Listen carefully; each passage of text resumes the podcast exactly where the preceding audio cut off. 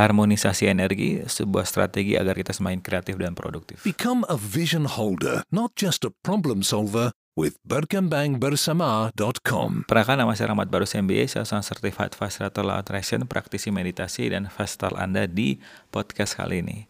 Banyak orang yang tidak tahu apa tujuan mereka diciptakan. Saat bangun tidur, tidak sabar ingin hari cepat berlalu, agar kembali malam sehingga bisa tidur lagi.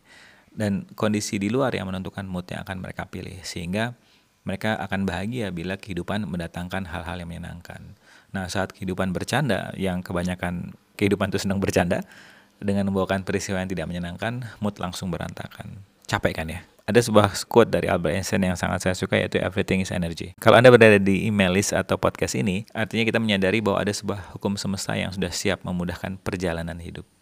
Jadi ada dua jenis energi, feminin dan maskulin. Saat kita kreatif, antusias melihat hidup dan mengambil action, artinya kita sedang mengakses energi maskulin.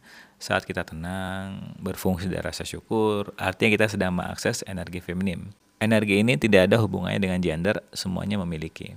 Nah, kita perlu waspada dalam menggunakan kedua energi ini. Banyak orang di luar sana ketika sedang mengakses maskulin energinya, itu terjebak ke toxic masculine energi atau dikenal dengan istilah TMA yang menyebabkan level stres mereka naik. Sedangkan saat orang yang sedang mengakses energi feminim, mereka juga terjebak di toxic feminine energy atau TFA yang menyebabkan mereka tidak semangat untuk berkarya. Nah, itulah kenapa penting kita melakukan harmonisasi untuk selaras.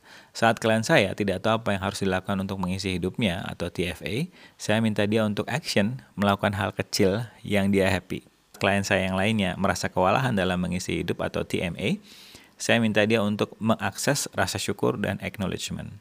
Nah, apabila ada kolega kita yang masih terjebak di TMN dan TFA yang membutuhkan harmonisasi energi, Anda bisa tolong infokan event kita Energy Ball 2.0 menggabungkan meditasi dengan law attraction yang akan lebih mudah mengakses keberlimpahan. Informasi lengkapnya ada di berkembangbersama.com.